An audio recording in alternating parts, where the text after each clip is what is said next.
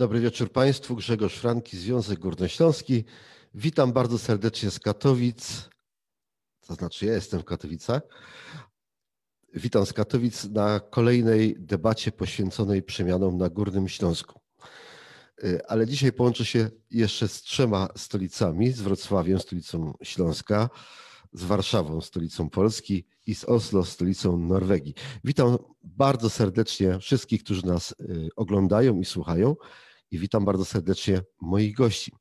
A wśród nich jest pani profesor Bożena Ryszawska, pracownik naukowy Uniwersytetu Ekonomicznego we Wrocławiu. Dobry wieczór, pani profesor. Kłaniam się nisko. Y, witam bardzo serdecznie panią redaktor Paulinę Januszewską, y, krytyka polityczna. Pani Paulina jest dzisiaj w Warszawie. Dobry wieczór, pani Paulino. Dobry wieczór. Bardzo serdecznie witam panów, także w Warszawie. Jest z nami pan Paweł Czyżak, y, członek Fundacji Instrat oraz lider Climate Reality. Dobry wieczór. Dobry wieczór. Przenosimy się do Oslo, a, a tam pan dr Kasper Szulecki, Uniwersytet w Oslo. Dobry wieczór, panie doktorze. Dobry wieczór. E, proszę państwa, e, patrzycie być może na Górny Śląsk z jego przyległościami e, z pewnej perspektywy z pewnej perspektywy nie tyle czasowej, ile, ile z perspektywy odległości, jaka nas dzieli. Pracujecie w różnych środowiskach, zajmujecie się Państwo każdy troszeczkę, przynajmniej trochę czymś innym. Chciałem Was pytać, jakie jest Wasze spojrzenie na region, w którym ja przebywam, ja mieszkam, na Górny Śląsk. Czy Górny Śląsk dzisiaj wyróżnia się w jakiś sposób na tle E, Polski na tle Europy. Pani profesor, jak widać Górny Śląsk z Wrocławia? E, ja e, chcę powiedzieć, że Górny Śląsk myślę, że nie tylko z Wrocławia, ale w ogóle jest widziany jako bardzo silny region, region przemysłowy, region z dużą koncentracją przemysłu, ale w ostatnich latach też z przemysłu i innowacji, czyli kojarzy mi się z miejscem nowych, nowych przedsięwzięć i jakby Y, też jakby nowych inwestycji. Y, dla mnie jest to też region, w którym y, wydaje mi się, że jest bardzo dużo wykształconych ludzi, w tym wykształconych technicznie, czyli inżynierów i i kojarzy mi się z tym, że inżynierowie myślą o, o, o, świecie i o działaniach praktycznie, czyli są twórcami innowacji, twórcami rozwiązań, y, są tymi, którzy je implementują. Ja od czasu do czasu, jak słyszę inżynierów wypowiadających się o transformacji energetycznej czy o jakichś innych aspektach, to jestem zaskoczona, że oni mówią o tym lepiej niż ekonomiści. Nie? No ja akurat jestem ekonomistką i czasem patrzę na swoich kolegów i koleżanki, że wielu z nich nie potrafiłoby tak sformułować pewnych zagadnień związanych z transformacją energetyczną czy tą zieloną transformacją, tak jak, jak potrafią to, to powiedzieć inżynierowie. Więc mam nadzieję, że i mam takie wrażenie, że, że w tym sensie Śląsk jest takim, takim, takim świadomym miejscem, jakby świadomym tych procesów, które zachodzą w tej chwili w gospodarce. Nawet jeżeli to wydaje się trochę takie, no, że tej siły takiej y, pewnie nie ma, jest taka frustracja we wszystkich regionach w Polsce, że nie ma takiej siły zintegrowania, zjednoczenia tych wszystkich grup i aktorów, którzy na rzecz tej y, takiej mm, zmiany, która dzisiaj już jakby jest oczywista i konieczna, y, działa. Nie? Czyli mamy takie wrażenie, że, że, że nie dzieje się wystarczająco dużo, albo już gdzieś tam te, te, te działania, te projekty, te programy transformacyjne się nie dzieją. Ale dla mnie y, y, Śląsk jest wyjątkowym miejscem też w Polsce, dlatego że Górny Śląsk, bo tam jest bardzo duża po prostu koncentracja ludzi i, i macie ogromny kapitał ludzki, ogromny kapitał kreatywny i wydaje mi się też, że dzisiaj buduje się zmianę, buduje się gospodarkę, buduje się właśnie w oparciu o wiedzę, w oparciu o kapitał ludzki, w oparciu o kreatywność i, i, ten, I ta kreatywność mieszkańców i tego kapitału y, ludzkiego, w tym kapitału społecznego, rozumianego też jako taka tkanka społeczna różnego typu organizacji też społecznych, jest, jest, jest ogromna. I z natury rzeczy tam ta koncentracja ludzi, mieszkańców jest tak duża, że musi być tam więcej niż gdzie indziej osób kreatywnych, więcej mądrych, więcej jakby innowacyjnych, czy, czy takich właśnie tworzących jakieś tam rozwiązania, więc jakby w tym sensie mm, wydaje mi się, że, że region ma, ma taki y, potencjał y, i, i mm, no, pewnie jest jeszcze kilka takich mm, regionów w Polsce, które wydają się mieć taki kreatywny potencjał, ale, ale Górny Śląsk mi się absolutnie z tym kojarzy, że tam są pomysły, że tam jest kreatywny, że tam są zasoby i że tam są no, no upraszczam trochę, oczywiście inżynierowie, którzy potrafią te pomysły zamienić y, w rzeczywistość. To tyle na razie. Zdarza się Pani odwiedzać Katowice albo okoliczne miasta? Byłam w Katowicach właśnie na spotkaniach Climate Reality, byłam na kopie 24 przez tam kilka, cały tydzień, także od czasu do czasu właśnie głównie z tych powodów klimatycznych, bo tak nie mam tam żadnych e, rodzinnych znajomych, ale te działania, na przykład ta wizja, Zielona Wizja Śląska, nad którą wiem, że tutaj stowarzyszenia pracują. Miałam okazję przy kopie się spotkać też z lokalnymi stowarzyszeniami e, katowickimi, które działają na rzecz środowiska, klimatu. Byłam pod wrażeniem. Dziękuję bardzo. A jak wygląda Górny Śląsk z perspektywy e, Warszawy? E, pani redaktor, zwracam się do pani Pauliny Januszewskiej. Jak pani osobiście spogląda na Katowice, na, na naszą metropolię, e, na ten cały region? Ja się bardzo cieszę, że pani profesor wspomniała o tym kapitale ludzkim, bo rzeczywiście on jest bardzo silny i ten potencjał jest e, zdecydowanie widoczny, choć e, mnie osobiście bardzo boli, że w tej przestrzeni medialnej, którą reprezentuję i e, na podstawie której będę się tutaj chyba najbardziej wypowiadać, jednak ten właśnie potencjał nie jest dostrzegalny i też być może takim w mediach głównego nurtu jednak Górny Śląsk występuje w zasadzie w tych trzech przypadkach, e, właśnie w kwestii zielonej transformacji, o której przypominamy sobie e, przy okazji rozdzielania budżetu e, europejskiego, przy okazji strajków górniczych i przy okazji strajków klimatycznych, gdzie młodzież domaga się odejścia od węgla już w 2030 roku, a ta data raczej, e, raczej bywa e, kłopotliwa dla samych górników. Natomiast e, na pewno Katowice są tutaj dobrym przykładem, że to wszystko może się udać i pójść w dobrym kierunku, jeżeli weźmiemy pod uwagę, że no, było tam kilkanaście, kilkanaście e, e, miejsc, w których wydobywano węgiel, tymczasem mamy dwie e, i udało się mm, dokonać pewnej tutaj przemiany, która pozwoliła chociażby zamienić te miejsca w centra konferencyjne czy, czy muzea. Myślę, że to też jest jakiś taki kierunek zmian, który będzie rzutował na przyszłość i który na pewno jeszcze nie raz e, pojawi się e, w dzisiejszej dyskusji. E, wspomniała Pani o tym, jak Górny Śląsk jest przedstawiany w mediach głównego strumienia, głównego nurtu. Co by Pani dodała do tego, co powinno być pokazywane w ogólnopolskich gazetach, ogólnopolskich radiach, o czym powinniśmy posłuchać o, o moim regionie? Na pewno więcej o inwestycjach też, o których wspomniała Pani Profesor i o tej myśli e, też e, technologicznej, o innowacyjności, która zdecydowanie, e, to są takie myślę, że bardzo nośne hasła. Na pewno też właśnie o tym kapitale ludzkim, który wyrywa ze stereotypami dotyczącymi grupy w ogóle też osób pracujących w kopalniach i myślę, że też kwestie związane z aktywizmem i e, działalnością e, lokalnych e, organizacji, czy to klimatycznych, czy, czy związanych właśnie z technologiami. Myślę, że tutaj to z pewnością powinno zająć naszą uwagę i też o to sama swojej pracy się cały czas staram. Za to dziękujemy, za tą wypowiedź również. Ciekawy jestem, czy spojrzenie innego warszawiaka, pana Pawła, jest tożsame, czy jednak e, troszeczkę inne? E, zwracam się z tym pytaniem do pana Pawła Czyżaka.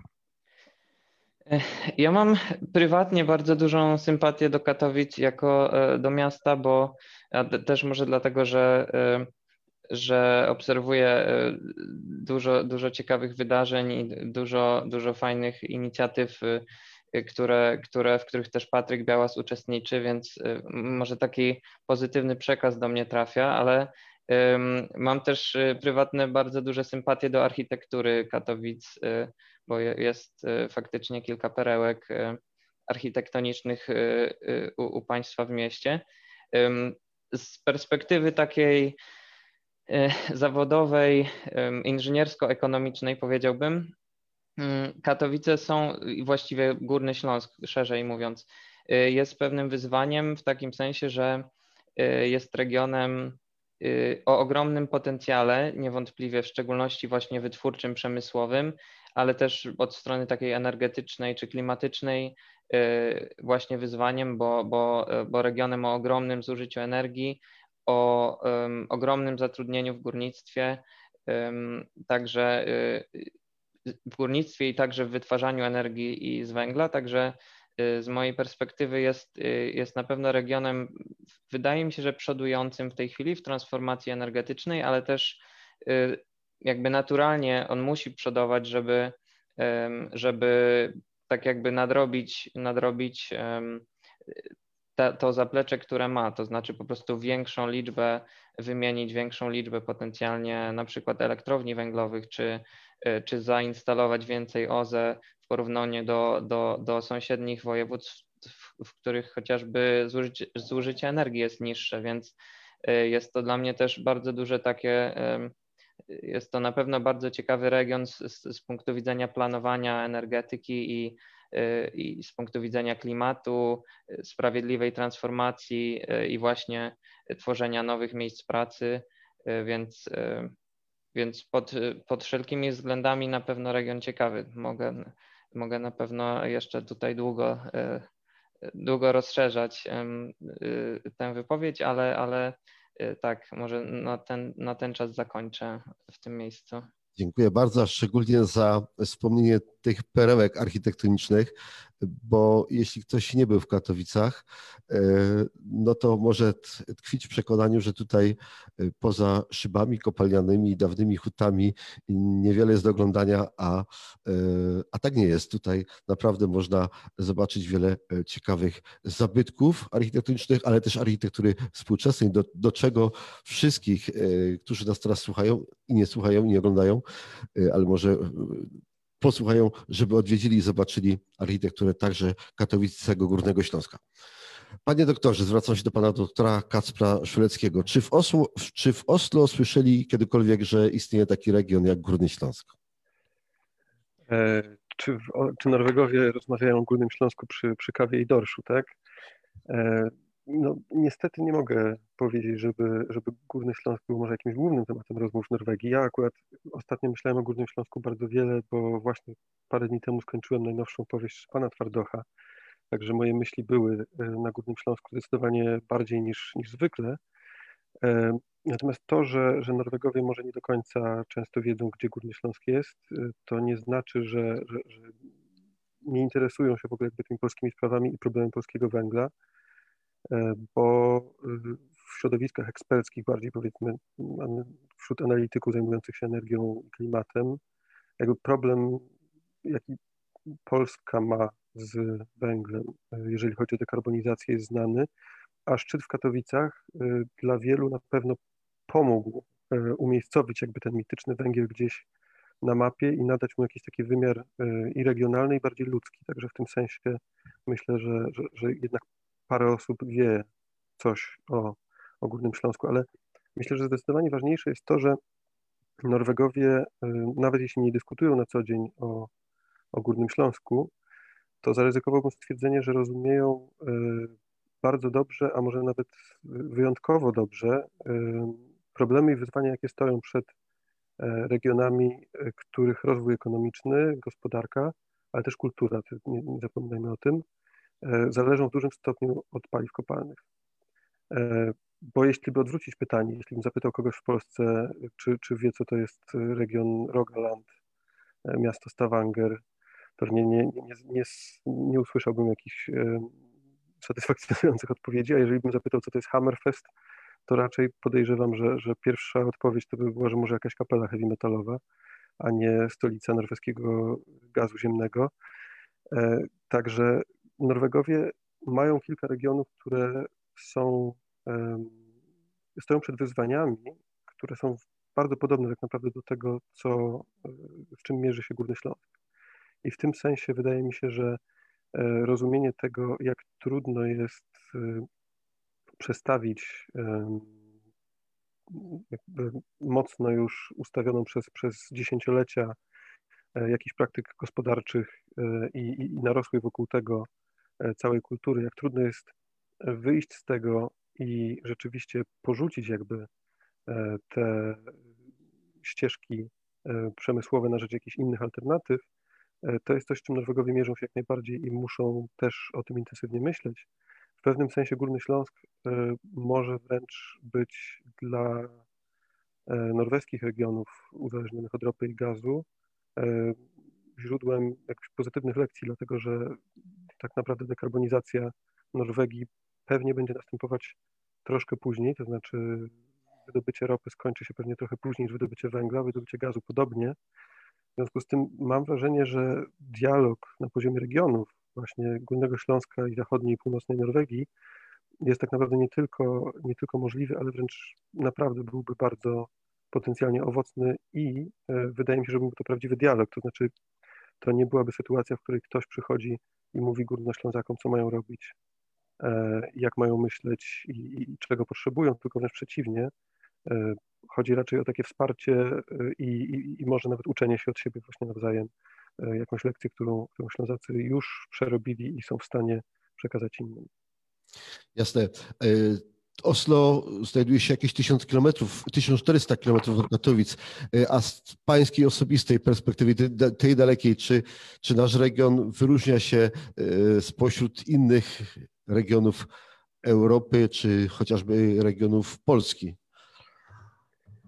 E, tanie loty Oslo-Katowice do niedawna, to znaczy jeszcze przed epoką koronawirusa, wydaje mi się, że codziennie, także ten dystans tak naprawdę się bardzo skraca.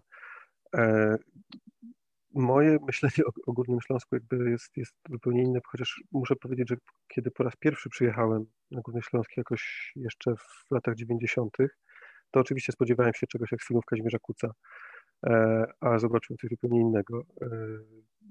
Także mam wrażenie, że jest też ogromny potencjał, ponieważ Górny Śląsk jest tak naprawdę regionem, mówię teraz już właściwie o całym województwie, e, regionem bardzo zróżnicowanym i dla mnie e, rzeczywiście jest w nim wszystko to, o czym, o czym wspominała pani profesor, e, czyli ogromny potencjał przemysłowy, i ludzki, ale też paradoksalnie myślę, że dla, dla wielu osób to jest może odkrycie, już o architekturze rozmawialiśmy, ale też potencjał przyrodniczy, to znaczy Górny Śląsk jest po prostu niesamowicie ciekawym regionem. E, z górami, lasami i miastami, owszem, również, ale e, wydaje mi się, że, że, że mało mówimy o tym, jak tak naprawdę renaturalizacja Górnego Śląska mogłaby wyglądać.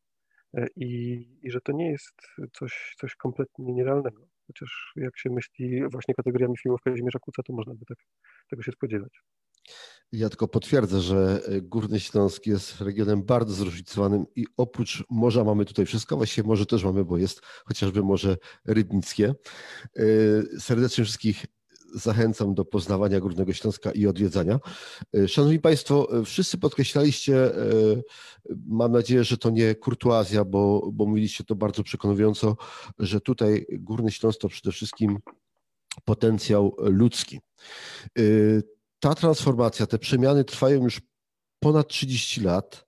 Dzisiaj możemy mówić nie o kilkuset, ani o kilkudziesięciu, ale o kilkunastu kopalniach, które są czynne, o, o niewielkiej ilości y, zakładów y, przemysłowych, y, hut i, i tego, co wiąże się z wydobywaniem węgla.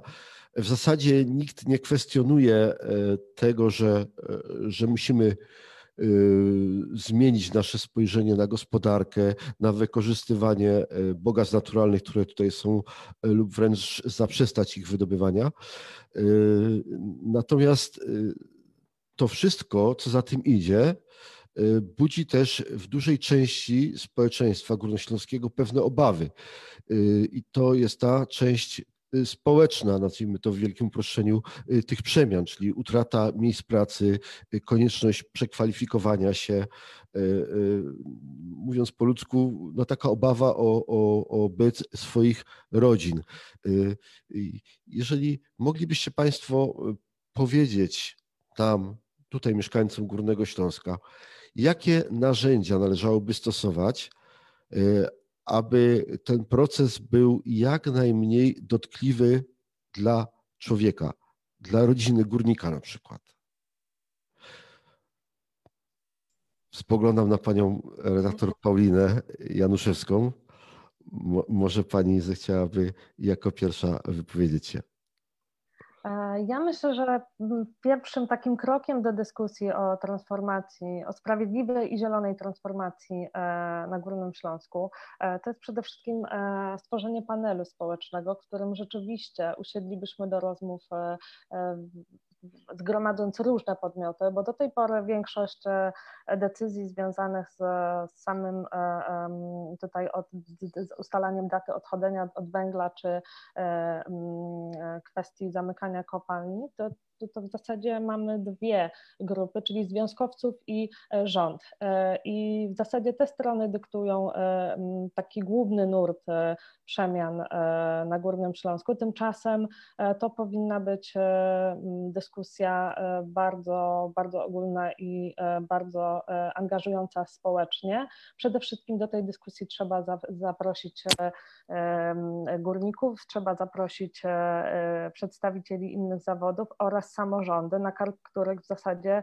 cała transformacja e, spadnie w przyszłości. E, myślę, że takim dobrym przykładem, przykładem dobrych praktyk e, są panele mm, chociażby klimatyczne, które odbywają się w zagranicznych stolicach. Ostatnio to by, myślę, że dobrym przykładem jest Francja, w której rzeczywiście to akurat ogólnokrajowy panel został przeprowadzony i w jego ramach podjęto wiążące decyzje. Wprawdzie nie rozwiązano kwestii, e, która nurtowała e, społeczeństwo najbardziej, czyli konfliktu, e, od którego rozpoczął się protest żółtych kamizelek, ale planuje się, że kolejne panele będą organizowane i że również ta sprawa zostanie poddana pod pod głosowanie, pod konsultacje społeczne. Co ciekawe, w tym e, panelu e, takim e, dla mnie wydaje się szczególnie istotnym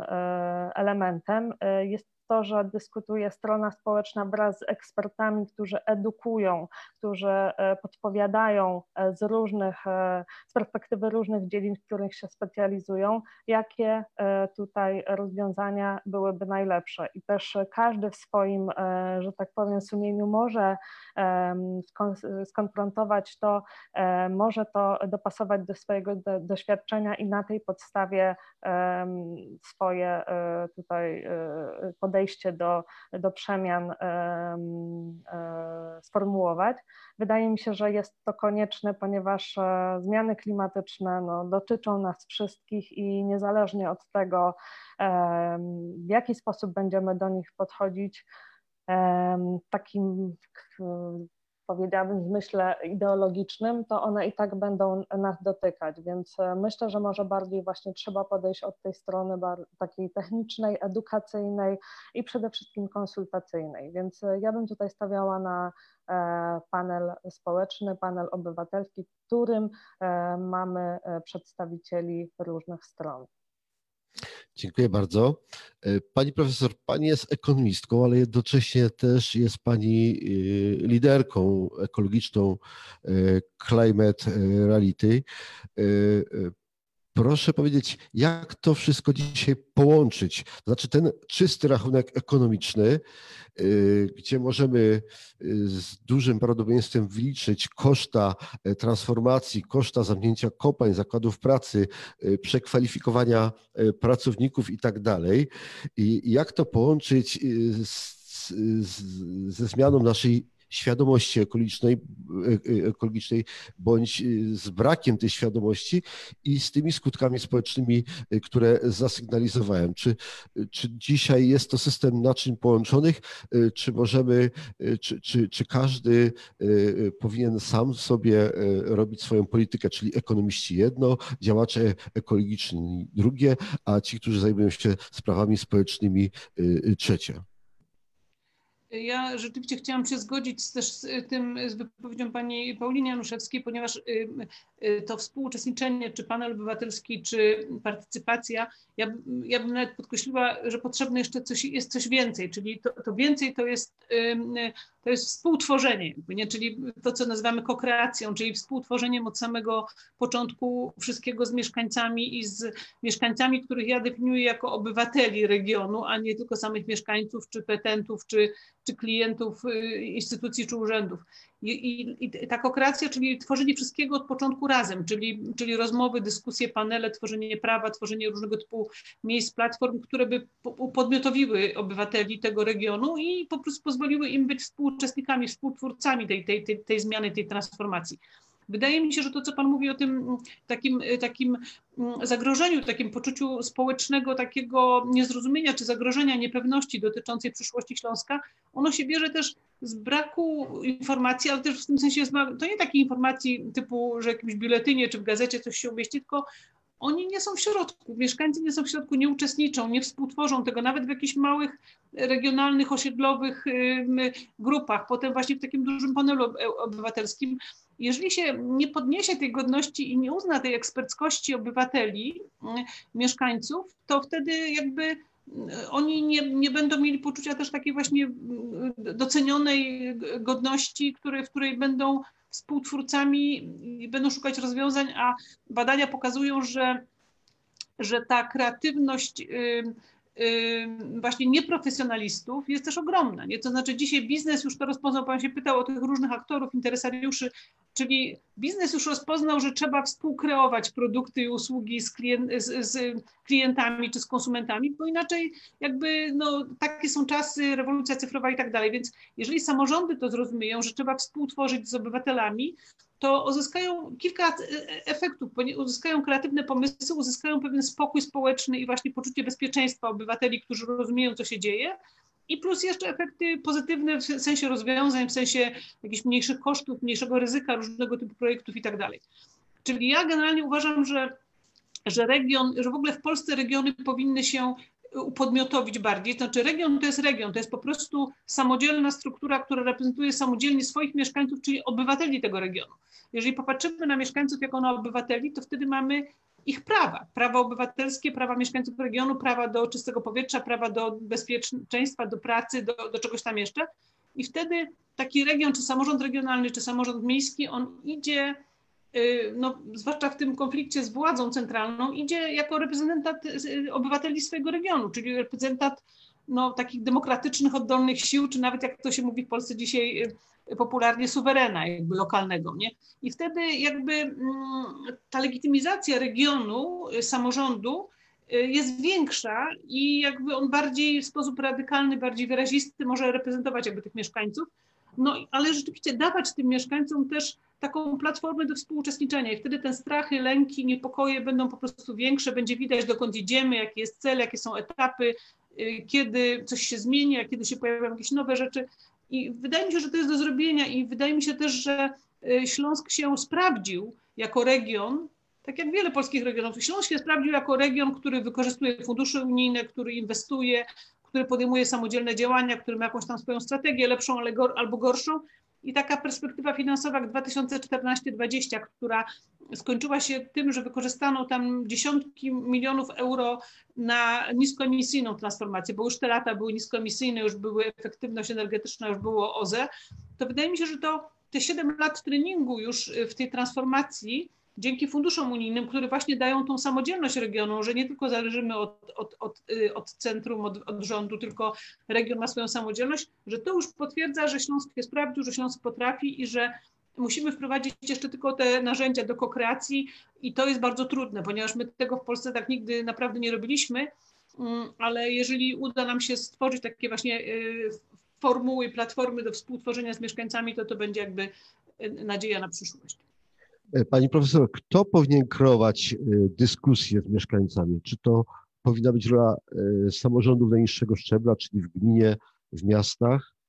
Czy to Dokładnie, to musi być systemowe. Tu nie ma żadne, to nie powinny być żadne takie spontaniczne akcje, że jakiś jeden działacz, jakaś jedno stowarzyszenie, tylko to po prostu powinny być systemowe rozwiązania. No właśnie panel obywatelski jest takim systemowym rozwiązaniem, że, że w tym to musi być zorganizowane, bo władza się przyzwyczaiła do tego, że wolontariusze w organizacjach zorganizują jakąś akcję, a to stop przeciwko smogowi czy czemuś i że takimi pojedynczymi akcjami będziemy zmieniać świat, nie? Czyli będziemy segregować śmieci w domach, będziemy ograniczać jedzenie mięsa i w ten sposób zapobiegniemy zmianom zmianą klimatycznym. Nie da się w ten sposób zapobiegać zmianom klimatu. Do tego są potrzebne działania systemowe i te działania systemowe trzeba wymusić po prostu na, na, na władzy. No i mi się wydaje, że samorządy są dobrym miejscem do trenowania tej, tego współtworzenia, ale do tego trzeba mieć facilitatorów, negocjatorów, ludzi, którzy to poprowadzą, czas, y, metody docierania do, do, do wszystkich interesariuszy. No i my tego nie umiemy robić, szczerze mówiąc, i w to trzeba włożyć pieniądze, żeby profesjonalnie taki proces współtworzenia z mieszkańcami y, stworzyć. Wyobrażam sobie, że, y, że powinny robić to samorządy przy wsparciu naukowców, przy wsparciu działaczy, ale prawo ogólnopolskie tak powinno być skonstruowane, aby samorządy mogły to robić. Przyznam e, się Państwu, że obserwowałem kampanie wyborcze e, na burmistrzów, na wójtów, na prezydentów miast na Górnym Śląsku bardzo szczegółowo i muszę Państwu powiedzieć, że mm, tematy przemian na Górnym Śląsku, tematy ekologiczne w samych kampaniach e, nie są jakimś topowym tematem. Y, muszę przyznać, że y, kiedy y, już samorządowiec wygrywa wybory i działa, coraz częściej w tych tematach są aktywni w mojej ocenie pozytywnie aktywni, ale raczej starają się narzucać swoją wizję. Brakuje e, to, o czym mówiła pani profesor. E, ciekawy jestem, panie doktorze, e, pańskiego zdania, czy pan podziela to, to co mówiła przedmówczyni pani profesor, czy ma pan jakiś inny pomysł na to, jak kreować postawy obywatelskie, aby efektem takiej dyskusji społecznej były jak najlepsze zmiany dla, dla obywateli? E, zgadzam się jak najbardziej z, zarówno e, z panią Pauliną, e, jak i z panią profesor Ryszawską, jeżeli chodzi o, o ten pomysł paneli obywatelskich. Uważam, że to jest bardzo dobra formuła takiej jakby właśnie regionalnej partycypacji. Natomiast nie chciałbym jakby brzmieć bardzo pesymistycznie, ale uważam, że to samo w sobie to jeszcze nie jest wszystko niestety. I, i muszę powiedzieć, że rozumiem mieszkańców Górnego Śląska, jeżeli się obawiają i jakby z, z jakimś nawet strachem patrzą w tą przyszłość. E, a to dlatego, że wyobrażam sobie, że mają doświadczenia historyczne, które e, właśnie w ten sposób jakby programują ich w stosunku do tego typu zmian. To znaczy, po pierwsze, e, te zmiany dotyczą czegoś, co, z czym sam region bez zewnętrznej, jakby jakiegoś bez zewnętrznego wsparcia raczej nie będzie sobie w stanie poradzić. A umówmy się, wiem, że, że zaczynaliśmy tak bardzo e, e, cukierkowo na temat e, serdecznego myślenia o Górnym Śląsku z różnych miejsc, na przykład z Warszawy, ale historycznie Górny Śląsk był raczej dla Warszawy no, takim pasierbem w najlepszym wypadku, I ja myślę, że gdzieś ta świadomość pozostaje, to znaczy to, że mm, niestety rząd centralny, czyli polski, e, polski rząd, e, niekoniecznie jest, czy może niekoniecznie ma historycznie najlepsze papiery na to, żeby przeprowadzać skomplikowane zmiany i transformacje społeczne. No, a lata 90. dla Górnego Śląska były naprawdę trudnym czasem i jakby jedyne, w co wierzę tak naprawdę w tym wszystkim i co chciałbym jakoś mieszkańcom Górnego Śląska przekazać, to jest to, że teraz to już jest rzeczywiście odbijanie się od dna, to znaczy najgorsze już było. Ja szczerze wierzę w to, że błędy transformacji lat 90. E, nie powtórzą się tym razem, a tutaj dość ważnym elementem na pewno jest, jest Unia Europejska bo jeśli Górny Śląsk jest, jest pasierbem Warszawy, to ma szansę być adoptowanym dzieckiem Brukseli. I Fundusz Sprawiedliwej Transformacji, który jest jakby teraz elementem tego nowego Europejskiego Zielonego Ładu, to jest naprawdę ogromny instrument wsparcia, który jest właśnie nakierowany na regiony, mniej na państwa, ale właśnie na coś, co, co jesteśmy w stanie wykorzystać bardziej lokalnie czy, czy regionalnie. I w tym sensie uważam, że to jest właśnie ten, ten element nadziei, dlatego że, e, że, że instytucje unijne też jakby mają wpisane w swoją zasadę funkcjonowania te mechanizmy partycypacyjne. E, jakby to jest taki ich sposób, e, naturalny sposób pracy. Natomiast drugą rzeczą, też znowu jakby mm, może troszkę pesymistyczną, wydaje mi się, że Kolejnym historycznym doświadczeniem, które uzasadnia to, że mieszkańcy Górnego Śląska się boją, jest to, że przez wiele lat mam wrażenie, że byli oszukiwani. E, to znaczy dawano im e, nadzieję poprzez kłamstwo, e, które dotyczyło tego, że cała ta dekarbonizacja, że całe to odejście od węgla to jest coś, co jest może jakąś modą, czymś, co wymyślili, nie wiem, zieloni gdzieś tam z zagranicy i że to przejdzie że, że my jakoś się z tego wykaraskamy, że będzie, nie wiem, czysty węgiel, że coś jakoś w każdym razie sobie poradzimy.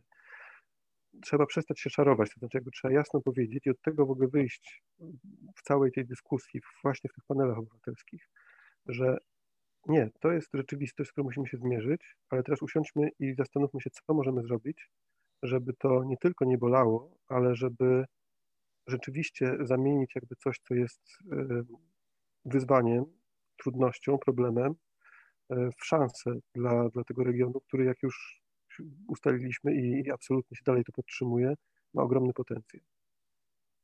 Dziękuję bardzo. E, panie Pawle, jak dokonać tego, aby obywatele chcieli jak najszerzej włączać się w takie dyskusje, o których mówili przedmówcy? E, jak spowodować, żeby władze chciały słuchać obywateli i jak połączyć różne zdania, które mogą się przecież pojawić na ten sam temat z pańskiej perspektywy. Pan jest działaczem społecznym i, i, i, i najbliżej panu do, e, do właśnie do, e, do postaw obywatelskich. Ma pan w tym doświadczenie. Co by pan nam doradził? Jak, jak taki proces przeprowadzać, takich debat społecznych? Ja bym y, chciałem się zgodzić na początku też z moimi przedmówcami w szczególności z doktorem Szuleckim, który e, uwa uważam, że słusznie mm, jakby zwraca uwagę, że, że ta jakby działalność oddolna ma pewno taki szklany sufit, to znaczy, mm, że niestety bez e, wsparcia albo z Unii Europejskiej, albo ze strony e, centralnego rządu w kraju dojdziemy tylko do któregoś momentu, niestety. I, i, i moim zdaniem trzeba zacząć od tego, y, trzeba jakby za, zaczynać z dwóch stron, to znaczy jednocześnie właśnie y, realizować y, działania społeczne, właśnie chociażby panele obywatelskie, aktywizować samorządy, lokalne społeczności, miasta w szczególności, chociażby poprzez sieci, na przykład jest kilka sieci takiej kooperacji miast, czyli wielu miast nie tylko w Polsce, ale europejskich, które po prostu wspierają się y, wiedzą, ekspertyzą technologicznie, wymieniają się y, dobrymi praktykami i myślę, że chociażby na pewno Katowice są w kilku z tych, z tych sieci i, i to jest bardzo silne narzędzie, bo mm, tak naprawdę w którymś momencie to się właśnie sprowadza do, do miast. Y, cała transformacja jakby może być właśnie realizowana poprzez zmiany w e, finansowanie chociażby inwestycji w transport publiczny, jakieś wydarzenia właśnie lokalne w miastach, e, deklaracje, na przykład na poziomie miast, e, wiele miast na świecie podejmuje deklarację neutralności klimatycznej do jakiegoś roku i, i pewnym sensie we własnym zakresie i właśnie korzystając z, z doświadczeń innych miast europejskich czy, czy, mm, czy na świecie, wbrew czasem nawet polityce rządu y, centralnego jest w stanie przeprowadzać y, zmiany i widzimy to w, w, w, także w miastach na Śląsku, na, także na Dolnym Śląsku, na przykład w Wałbrzychu, który jest takim um, przykładem silnej takiej prezydentury lokalnej, która, która pcha tą transformację. Ale to, o czym chciałem powiedzieć, to jest ten drugi filar, to znaczy właśnie ten filar centralny. I uważam, że akurat Śląsk ma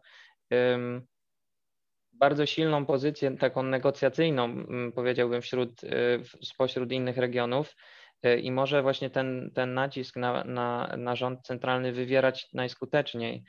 Y, a niestety bez tego, bez tego nie pójdziemy do przodu, bo chociażby budżet centralny w pewnym momencie, na, nawet jeśli chodzi o środki z Unii Europejskiej, ma nad nimi pewną kontrolę i walczy o to, żeby mieć jakby im większą, y, jak największą, więc może, może się okazać tak, że na przykład region wypracuje jakieś świetne rozwiązania lokalne i, i właśnie z udziałem społeczności lokalnej, ale one nie dostaną finansowania, bo będzie to chociażby wbrew jakiejś polityce y, krajowej. Więc to, co ja uważam, że należy zrobić, co Śląsk powinien zrobić, żeby, żeby walczyć też o swoje dobro, no to jest wywierać presję na, na kraj. I to y, dlaczego Śląsk ma tak dobrą perspektywę, bo mm, czy ma, może mieć tak dobry i duży wpływ, bo pierwsze jest właśnie tym centrum przemysłowym kraju y, z ogromnym kapitałem ludzkim, y, z ogromnym jakby wartością dodaną czy kreacją PKB, jest y, regionem skupiającym bardzo dużą część y, mocy wytwórczych energetycznych, więc y, jeśli byłoby tak, że transformacja energetyczna na Śląsku się nie zrealizuje, to znaczy nie, na przykład będziemy mieli problem z zastąpieniem elektrowni węglowych, a tak może być, no to wtedy cały kraj będzie miał problem. To znaczy y, na Śląsku mamy, na Górnym Śląsku mamy, mamy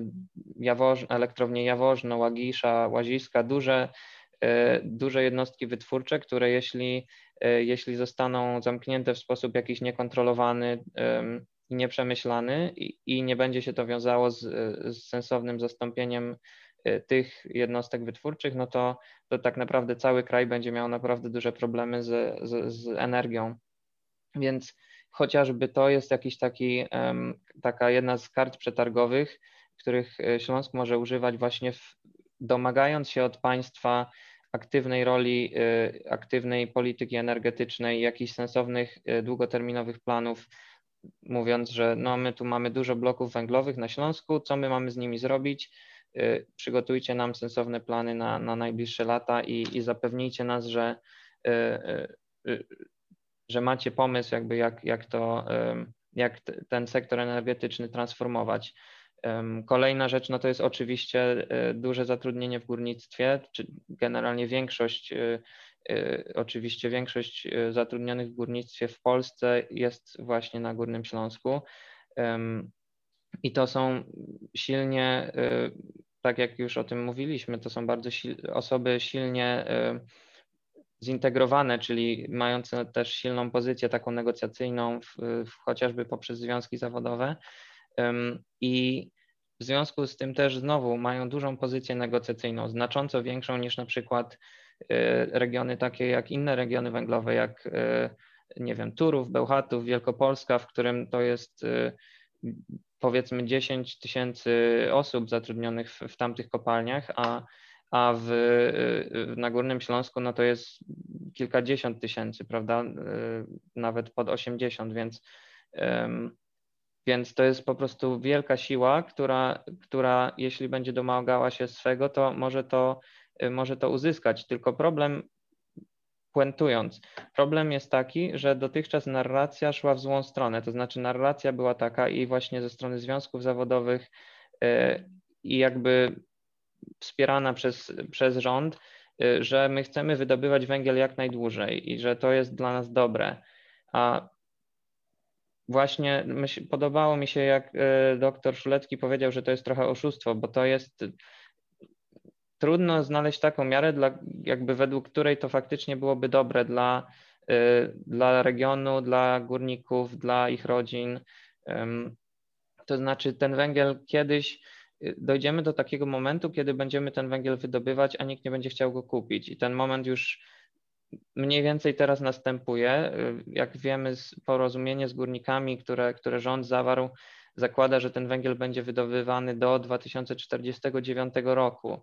a jednocześnie y, plany rządowe zakładają w latach 30. zamknięcie ostatnich elektrowni węglowych, więc teraz pytanie, robi się nawet na, dziura, nie wiem, 15 lat, kiedy my twierdzimy, że będziemy wydobywać węgiel, który jest droższy niż węgiel importowany, no więc pytanie, co się będzie z nim działo i kto będzie go kupował.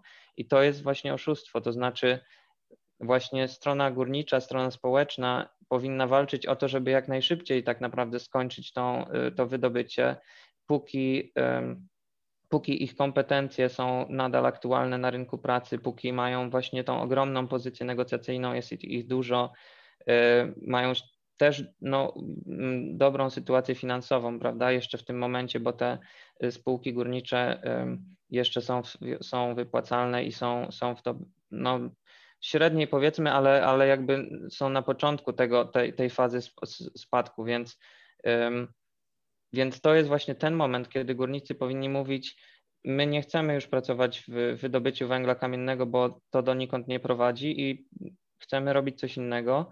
Y, I to ma się zdarzyć jak najszybciej. To nie będziemy czekać teraz do 2049 roku, bo to nie ma sensu, tylko chcemy, nie wiem, w 2030 roku mieć już nowe miejsca pracy w fabrykach ogniw fotowoltaicznych albo baterii, albo wodorowych, y, jakiejś technologii i tak dalej. E, więc ja myślę, że to, to, to co musi się zdarzyć, to jest właśnie prze, jakby e, walka z tym oszustwem i zmiana tej narracji. To znaczy, że właśnie największym, największą korzyścią dla Śląska i dla pracowników i, i, i dla mieszkańców i obywateli to jest odejście od węgla jak najszybciej, właśnie wtedy, kiedy mają tą tą dużą siłę i te duże zapasy jakby kompetencji i finansowe, które mogą spożytkować na inne, inne działania i na tworzenie nowych miejsc pracy. Dziękuję bardzo. Proszę Państwa, odejście od węgla to jest jeden temat. Drugi temat, który poruszyliśmy kilkanaście minut wcześniej, to zaangażowanie obywateli, mieszkańców Górnego Śląska w, tych proces y, przemian. Ale muszę Państwu powiedzieć, że przeciętny mieszkaniec Śląska nie zobaczy, nie przeczyta, nie posłucha w mainstreamowych mediach y, przedstawicieli Unii Europejskiej, myślę tu o politykach, nie wypowiada się przewodniczący komisji, nie wypowiadają się komisarze. W mediach regionalnych może posłuchać europosłów z Górnego Śląska, ale którzy mówią raczej głosami swoich opcji politycznych. Y, niż głosem Unii Europejskiej tak naprawdę.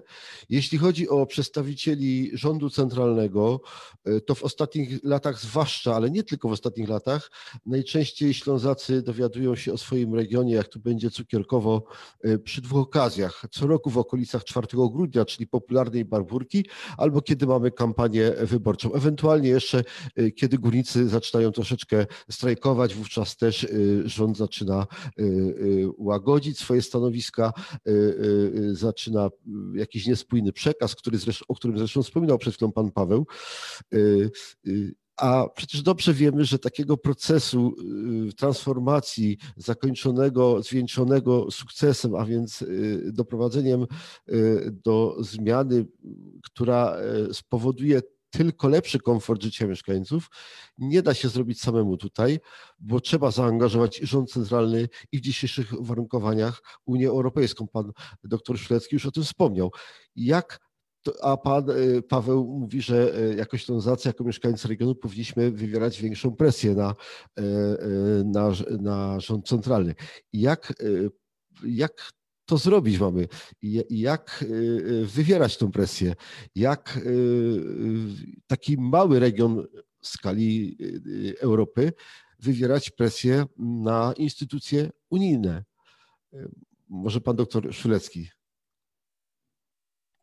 E, Górny Śląsk owszem jest w skali Europy małym regionem, ale właśnie przez to wysokie zużycie energii, wysoką produkcję, znaczy jakby dużą produkcję energii i koncentrację kopalń, e, jest regionem znaczącym, znaczy ważniejszym pewnie niż, niż bardzo wiele regionów, innych regionów Polski i w ogóle regionów Europy.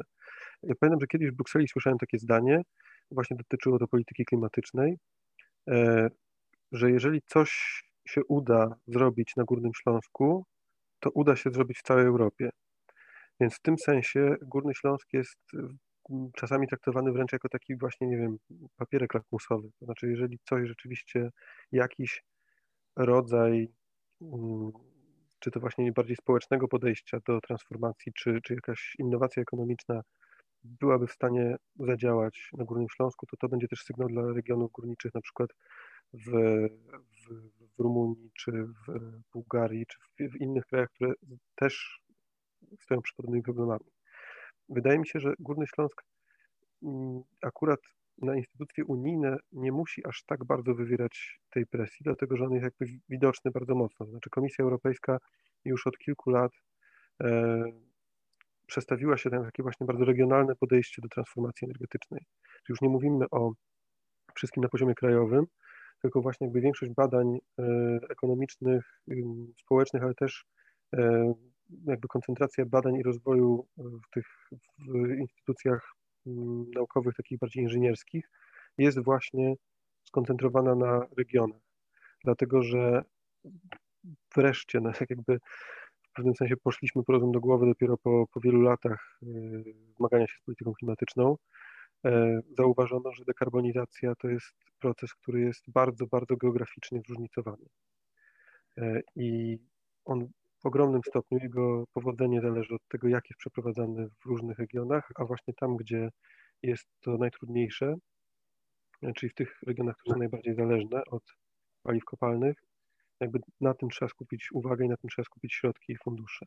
Oczywiście Górny Śląsk, e, tak jak to już, już może i tak e, służyć za, za przykład innym regionom, natomiast też może się uczyć e, z doświadczeń podobnych miejsc w Europie, w naturalny sposób na przykład Zagłębia Rury, z którym Górny Śląsk ma, ma i historyczne, i jakby takie kulturowe i rodzinne często też tym mają powiązania, e, ale jest, jest więcej takich miejsc. W tej chwili bardzo ciekawe rzeczy dzieją się we wschodnich Niemczech, czyli właśnie w historycznym sąsiednim regionie Śląska, czyli na Łużycach, e, które też zmagają się z, z transformacją, ale mają do niej jakby może troszkę inne podejście, przez właśnie nastawienie na innowację społeczną, ale też innowację biznesową, e, która jest nastawiona bardzo mocno na tworzenie e, jakby takiego ekosystemu. I to jest też takie podwójne znaczenie tego słowa, to znaczy ekosystemu dla firm i dla przedsiębiorczości, a z drugiej strony ekosystemu dlatego, że właśnie te poprzemysłowe i pokopalniane e, regiony wymagają po prostu ponownej zwrócenia ich przyrodzie w tym sensie ekosystemu. Także wydaje mi się, że e, jeżeli chodzi o ten poziom europejski międzynarodowy, to Górny Śląsk nie, nie musi e, tak bardzo tę uwagę zabierać, natomiast jeżeli chodzi o skalę polską, ten jakby uzwiązkowienie i siła związków zawodowych na pewno ma ogromne znaczenie, dlatego że no, jednak związki zawodowe to jest bardzo, bardzo ważny element społeczeństwa obywatelskiego. One są świetnie zakorzenione e, w lokalnej jakby społeczności, e, a jednocześnie mają po prostu mechanizmy wypracowane tego, jak rozmawiać z władzą. I nie mówię tutaj wcale o protestach ulicznych, chodzi mi raczej o jakby takie właśnie metody negocjacyjne. I z tego, co wiem, oczywiście na pewno mieszkańcy Górnego Śląska wiedzą to dużo lepiej niż ja, ale jakby z tych sygnałów, które słyszę i z tego, co czytam z wypowiedzi e, górniczych związkowców, widzę, że, że jakby ta świadomość też się zmienia. To znaczy właśnie to, że e, to poczucie, że, że, że przez wiele lat e, dawano im złudną nadzieję, e, się kończy. I, I w tym sensie związkowcy też na pewno mają świadomość, że im szybciej zostanie postanowione, że z tego węgla należy wychodzić, tym szybciej będzie można szukać rozwiązań, które w jakiś pozytywny sposób to zmienią już też na arenie jakby polskiej narodowej. Dziękuję bardzo. Y, pani redaktor, zwracam się do pani Pauliny Januszewskiej. Czy media mogą y, dopomóc y, w procesie przemian na Górnym Śląsku? I nie mówię tu o mediach lokalnych, ale właśnie o mediach ogólnopolskich. Jeżeli tak, to w jaki sposób i dlaczego tego nie robią tak naprawdę? Pani zdaniem. Znaczy tutaj e, na pewno to idealistyczne myślenie e, o kreowaniu e, debaty publicznej przez media mm, trochę się zmienia, ale mm, ja bym powiedziała tak, na pewno już nie tylko w kontekście lokalnym, w kontekście Górnego Śląska. Wydaje mi się, że istotne jest, istotna jest w ogóle rozmowa o um, konieczności um, wprowadzania zmian w kontekście zmian klimatycznych, wprowadzania strategii e, adaptacji do, do skutków tych zmian, e, które są to tematy w zasadzie, które bardzo e, medialnie właśnie w tym głównym nurcie nie są atrakcyjne, głównie dlatego, że bardzo długo były kojarzone właśnie z tą sferą nudnej naukowości, która jest gdzieś tam niedostępna zwykłemu czytelnikowi, że tak się wyrażę to jest, to jest kompletną nieprawdą i myślę, że najlepiej udowadnia to e, młode pokolenie, które rzeczywiście dostrzega tutaj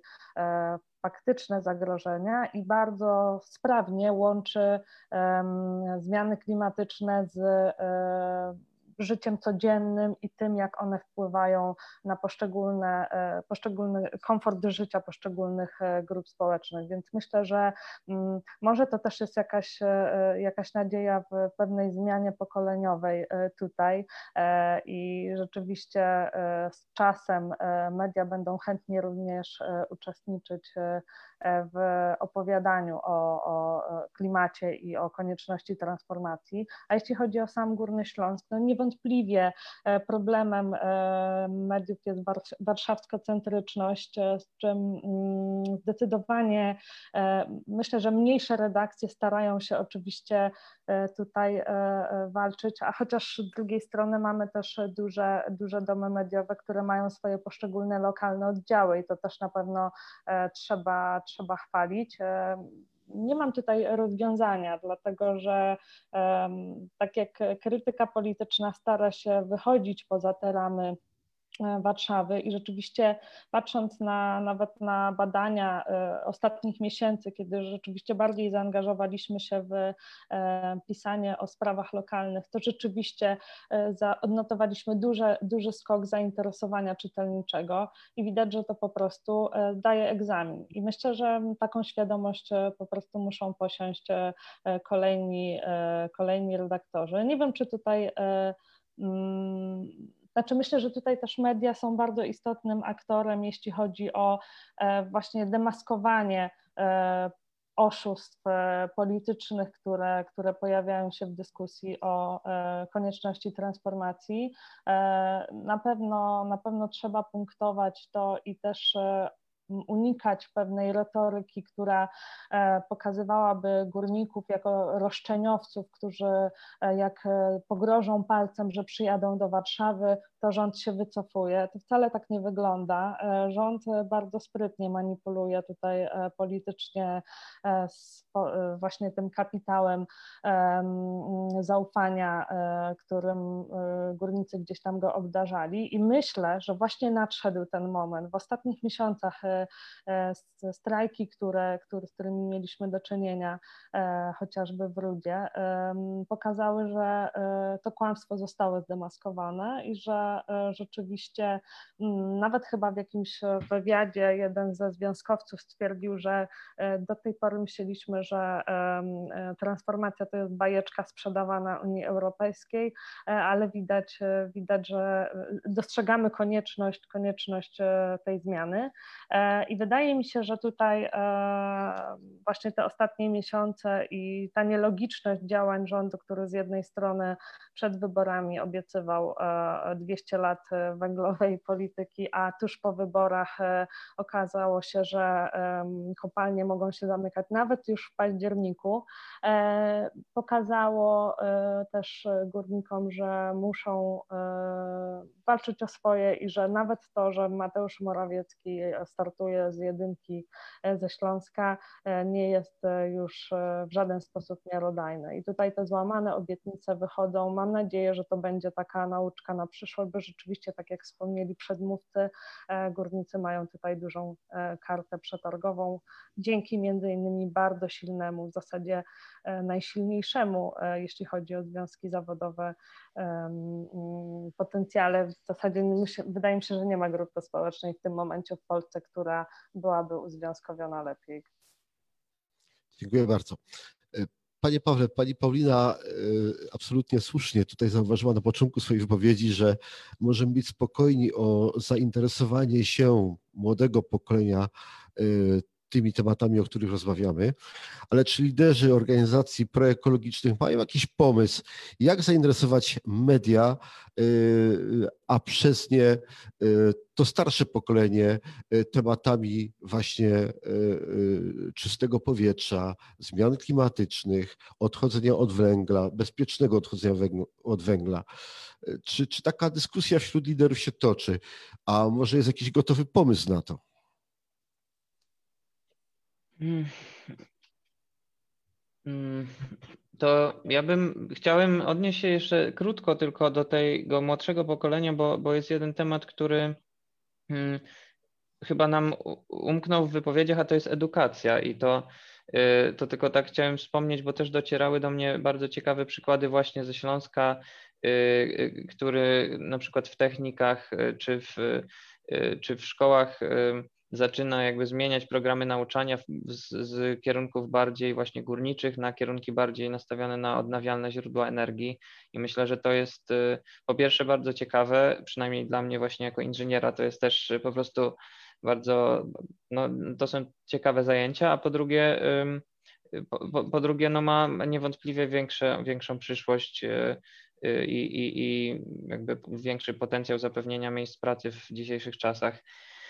E, a jeśli chodzi o jeśli chodzi o starsze pokolenie, to na pewno jest to trudniejsze. To znaczy, jest tak po prostu, że e, ludzie im starsi, tym jakby trudniej znoszą właśnie zmiany i, e, i, i są mniej chętni, żeby się przekwalifikować, więc um, trzeba to też brać pod uwagę. To znaczy, nie można, jest wiele takich nie wiem, kampanii, czy, czy właśnie takich komunikatów, które na, namawiają, że teraz, nie wiem, wszyscy górnicy będą y, pracować na wiatrakach, co jest y, jakby być instalatorami turbin wiatrowych, co jest w pewien sposób y, jakby nieoczywiste, no bo jeśli ktoś właśnie lepiej się czuje w pracy przy ziemi albo pod ziemią, to wcale niekoniecznie musi chcieć wisieć 200 metrów nad ziemią, prawda? W sensie może tak jest, ale to też nie jest, nie możemy tak zakładać, że e, każdy będzie miał w wieku tych lat 50 wielką ochotę to robić, więc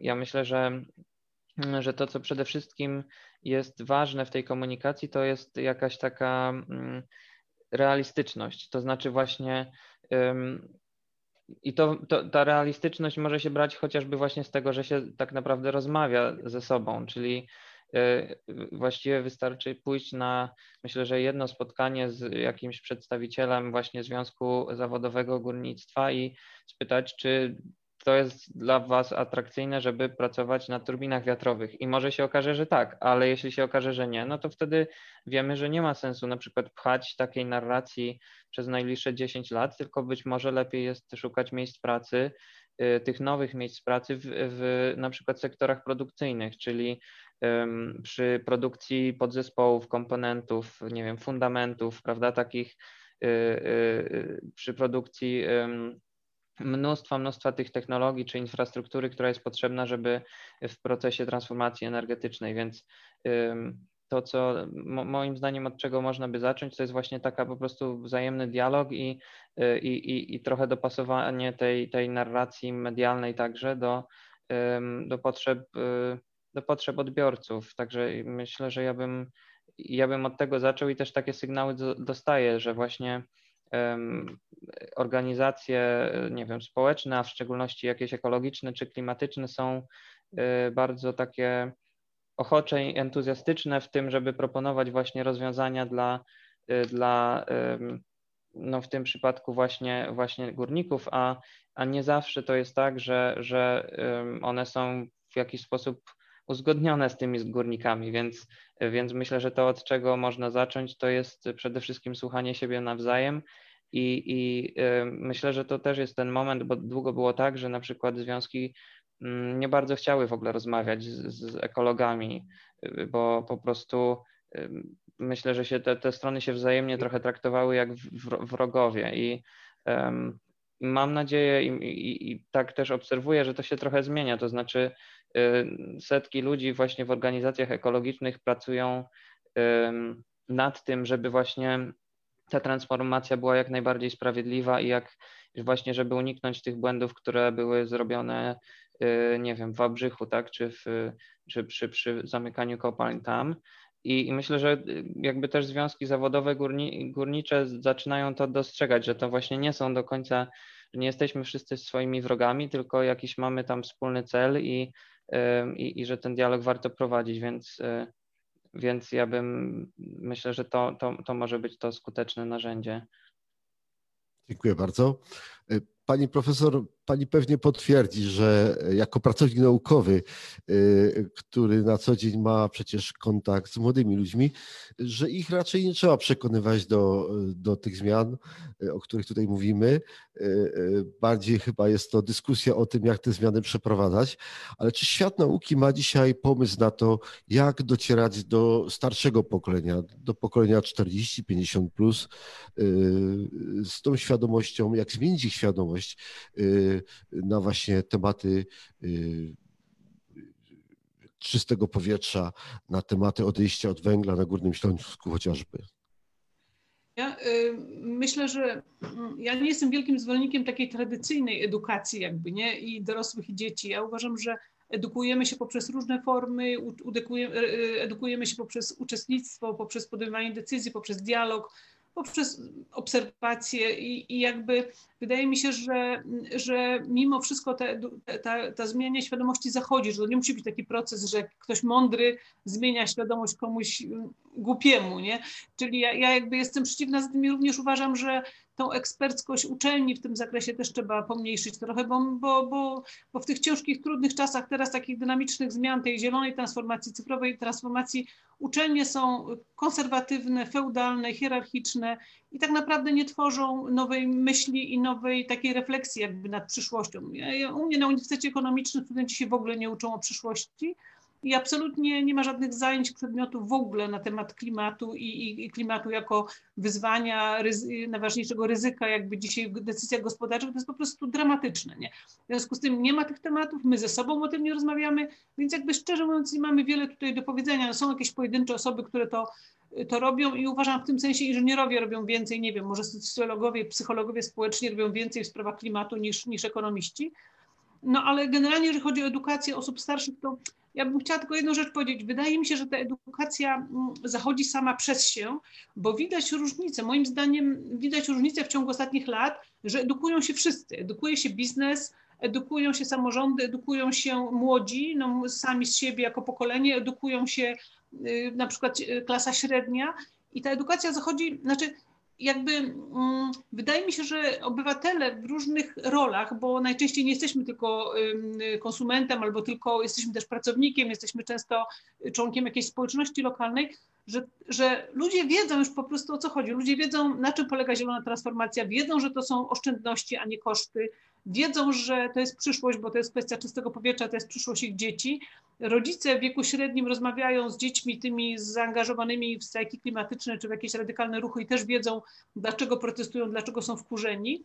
Biznes zobaczył, że to jest, y, że to jest y, przewaga konkurencyjna, że to jest wartość dodana, że to, jest, że to są korzyści i obniżenie kosztów, zwiększenie konkurencyjności. Czyli biznes już to wie, społeczeństwo w zasadzie jest lepiej wyedukowane niż niż, no, niż, niż rząd, którym się, na który narzekamy. Y, uczelnie, no różnie bywa, ale no załóżmy przez studentów, którzy wchodzą teraz całe to nowe pokolenie Z, które uważam, że jest po prostu, no ma szansę zmienić te uczelnie, również są gotowe na to, a przynajmniej niektórzy na uczelniach są gotowi, więc jakby Y, ja chcę powiedzieć, że moim zdaniem ta transformacja zachodzi, jak strajk klimatyczny czy Extinction Rebellion mówią o tym, że potrzeba nam te 3,5% czy 4% tej, tej, tej kuli śniegowej czy śnieżnej, która, która będzie tą skalą, która dokona zmiany, to wydaje mi się, że ta zmiana właśnie w tych różnych grupach społecznych zachodzi i ludzie się uczą wszędzie, w przedsiębiorstwie swoim, w swoim urzędzie, y, uczą się o smogu, uczą się segregacji śmieci, uczą się o, o, o używaniu wody, oszczędzaniu energii, i jakby ta gotowość do tej transformacji, ona jest i ona jest cały czas prowadzona na, poprzez te różne grupy interesów I w zasadzie wydaje się, że tylko jednym z takim, takich nieświadomych czy niewidzących problemów jest rzeczywiście ta władza centralna, która jakoś to traktuje bardzo politycznie i ideologicznie.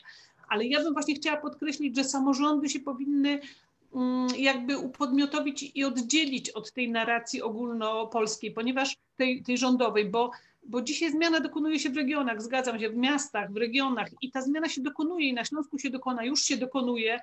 I nasza rola właściwie polega na tym, żeby zidentyfikować tych aktorów, zidentyfikować tą zmianę, bo ona się toczy. A jeżeli my będziemy mówić, że tak, tu nie działa, tam nie ma edukacji, tu rząd nie pomaga, tutaj są złe regulacje i tak dalej, to rodzi się takie, takie dołujące przeświadczenie, że jesteśmy zablokowani i w zasadzie zostajemy w tyle ale jak tak naprawdę zidentyfikować te rzeczy, które się wydarzyły w ciągu ostatnich lat, jakiego typu inwestycje, co ludzie robią w gospodarstwach domowych, w co inwestują, jak się pojawiły teraz pieniądze na, na energetykę odnawialną, co ludzie kupują i o ile milionów czy tam setek tysięcy wzrosła liczba wegetarian i wegan, którzy jedzą dobrej jakości żywność, to są ogromne rzeczy. Ile inicjatyw lokalnych, miejskich powstaje właśnie takich prośrodowiskowych. Połowa innowacji, która się tworzy, to są innowacje proekologiczne. A przedsiębiorstwa to już po prostu liczą i to wiedzą, że im się to opłaca. I jeżeli teraz złączymy tych wszystkich interesariuszy, samorząd, biznes, yy, młodzież, yy, społeczeństwo w ogóle poprzez organizacje samorządowe, to siła jest ogromna po prostu. Także i gotowość jest ogromna, i wiedza jest ogromna, i eksperckość jest ogromna.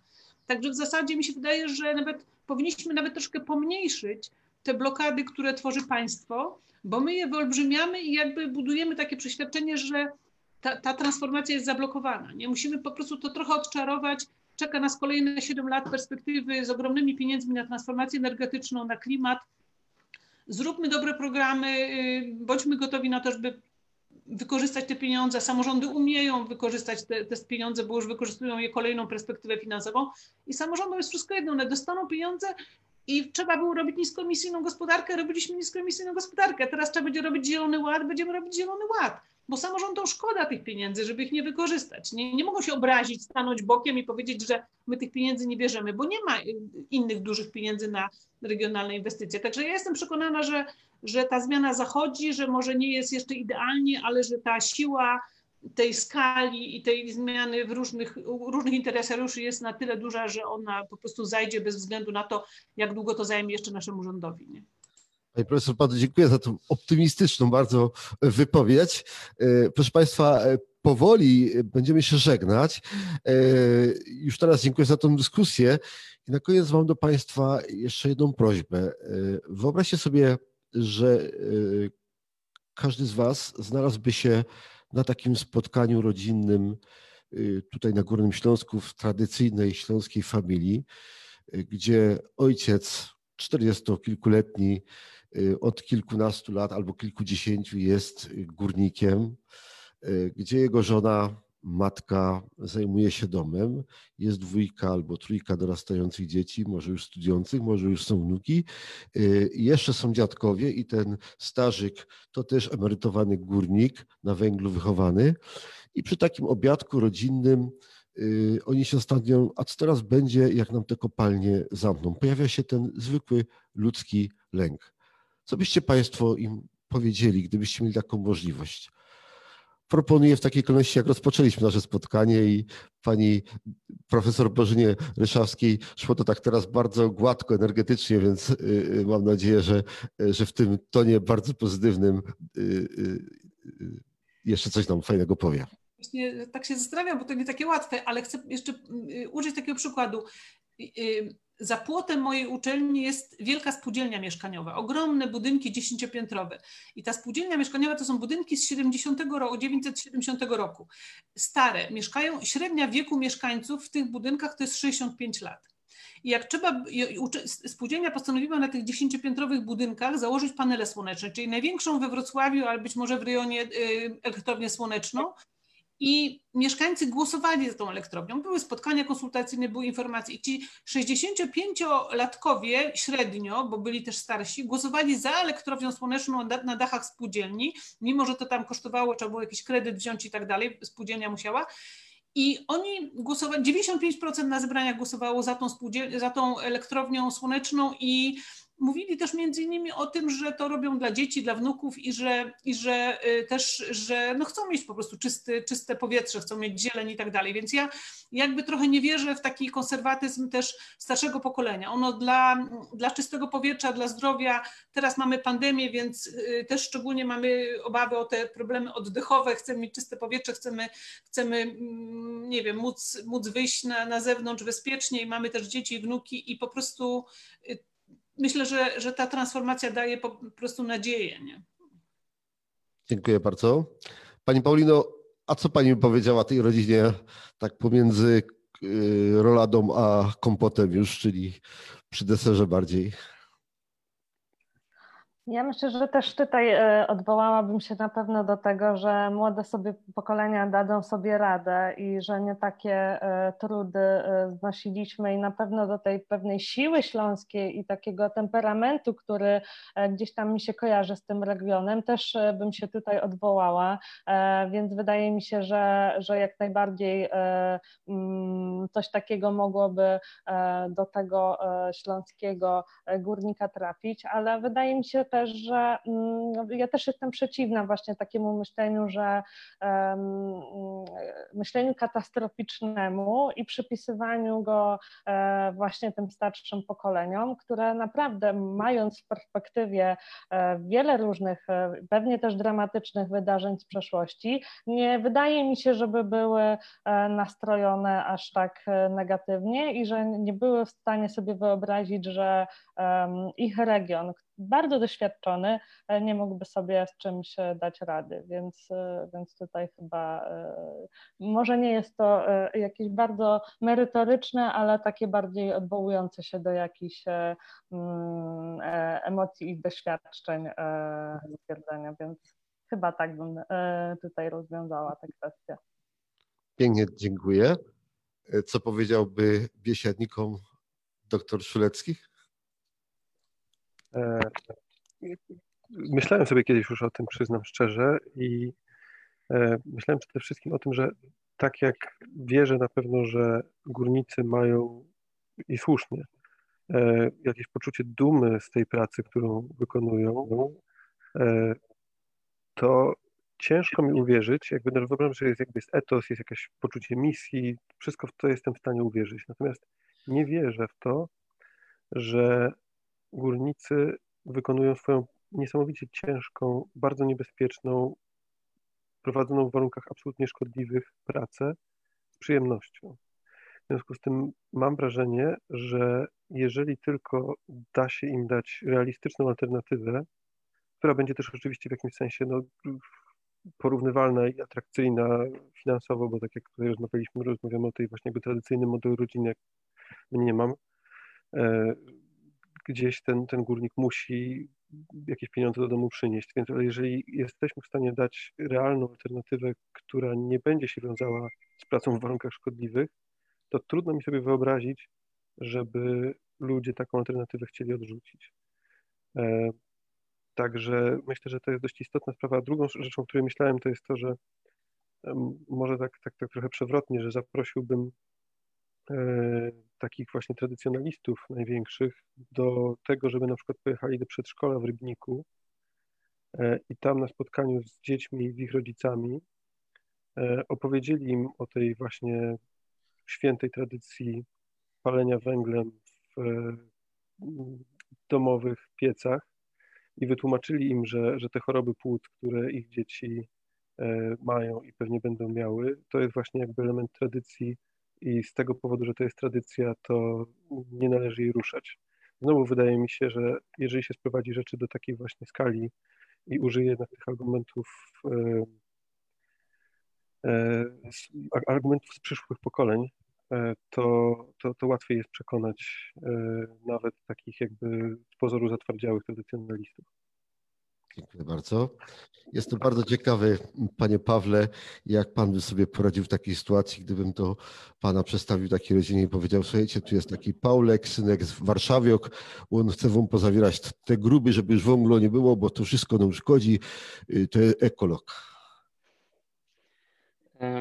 To y, chciałem też powiedzieć o tym, co powiedział doktor Szulecki, to znaczy, że myślę, że, że, że to też nie jest tak, że właśnie każda osoba w wieku tych 40 czy 50 lat jest tak bardzo chętna, żeby zjeżdżać pod ziemię i właśnie y, jednak każdego dnia mieć, mieć tą, tą, ten dylemat, czy wróci.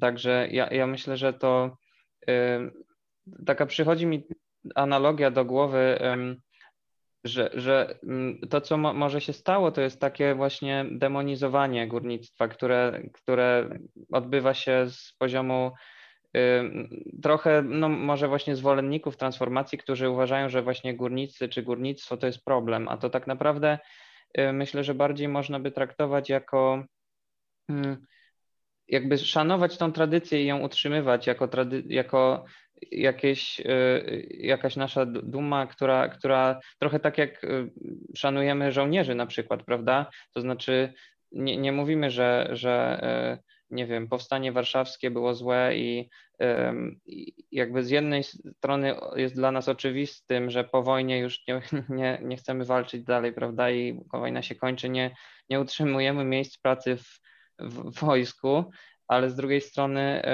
jakby szanujemy tą tradycję, prawda? Nie, nie, nie robimy z tego takiego, nie demonizujemy jej, więc ja myślę, że y, właśnie trochę tak bym do tego podszedł, to znaczy za, za, y, zaoferowałbym realną i mierzalną alternatywę, która jest y, właśnie nie, nie taka bajkowa, tylko właśnie po prostu realna. Być może to się będzie wiązało na przykład z mniejszą pensją, tak? Może trzeba się z tym liczyć, ale to jest nadal lepsze niż na przykład brak pracy, całkowity brak pracy, prawda? Albo taka, taka właśnie jakaś senna wizja, że, że ta praca będzie jeszcze przez 10 lat, bo rząd tak obiecuje, a, a potem nie wiadomo. Więc ja bym zaproponował realną alternatywę, ale też kultywował tą tradycję górniczą jakby nawet po, po zakończeniu wydobywania węgla, no bo można przecież nadal obchodzić te święta i nadal nie wiem, kultywować stroje i, i właśnie uczyć o tym w szkole nie, i, w pewnym sensie, ale bez tych negatywnych efektów, tak, czyli chorób płuc i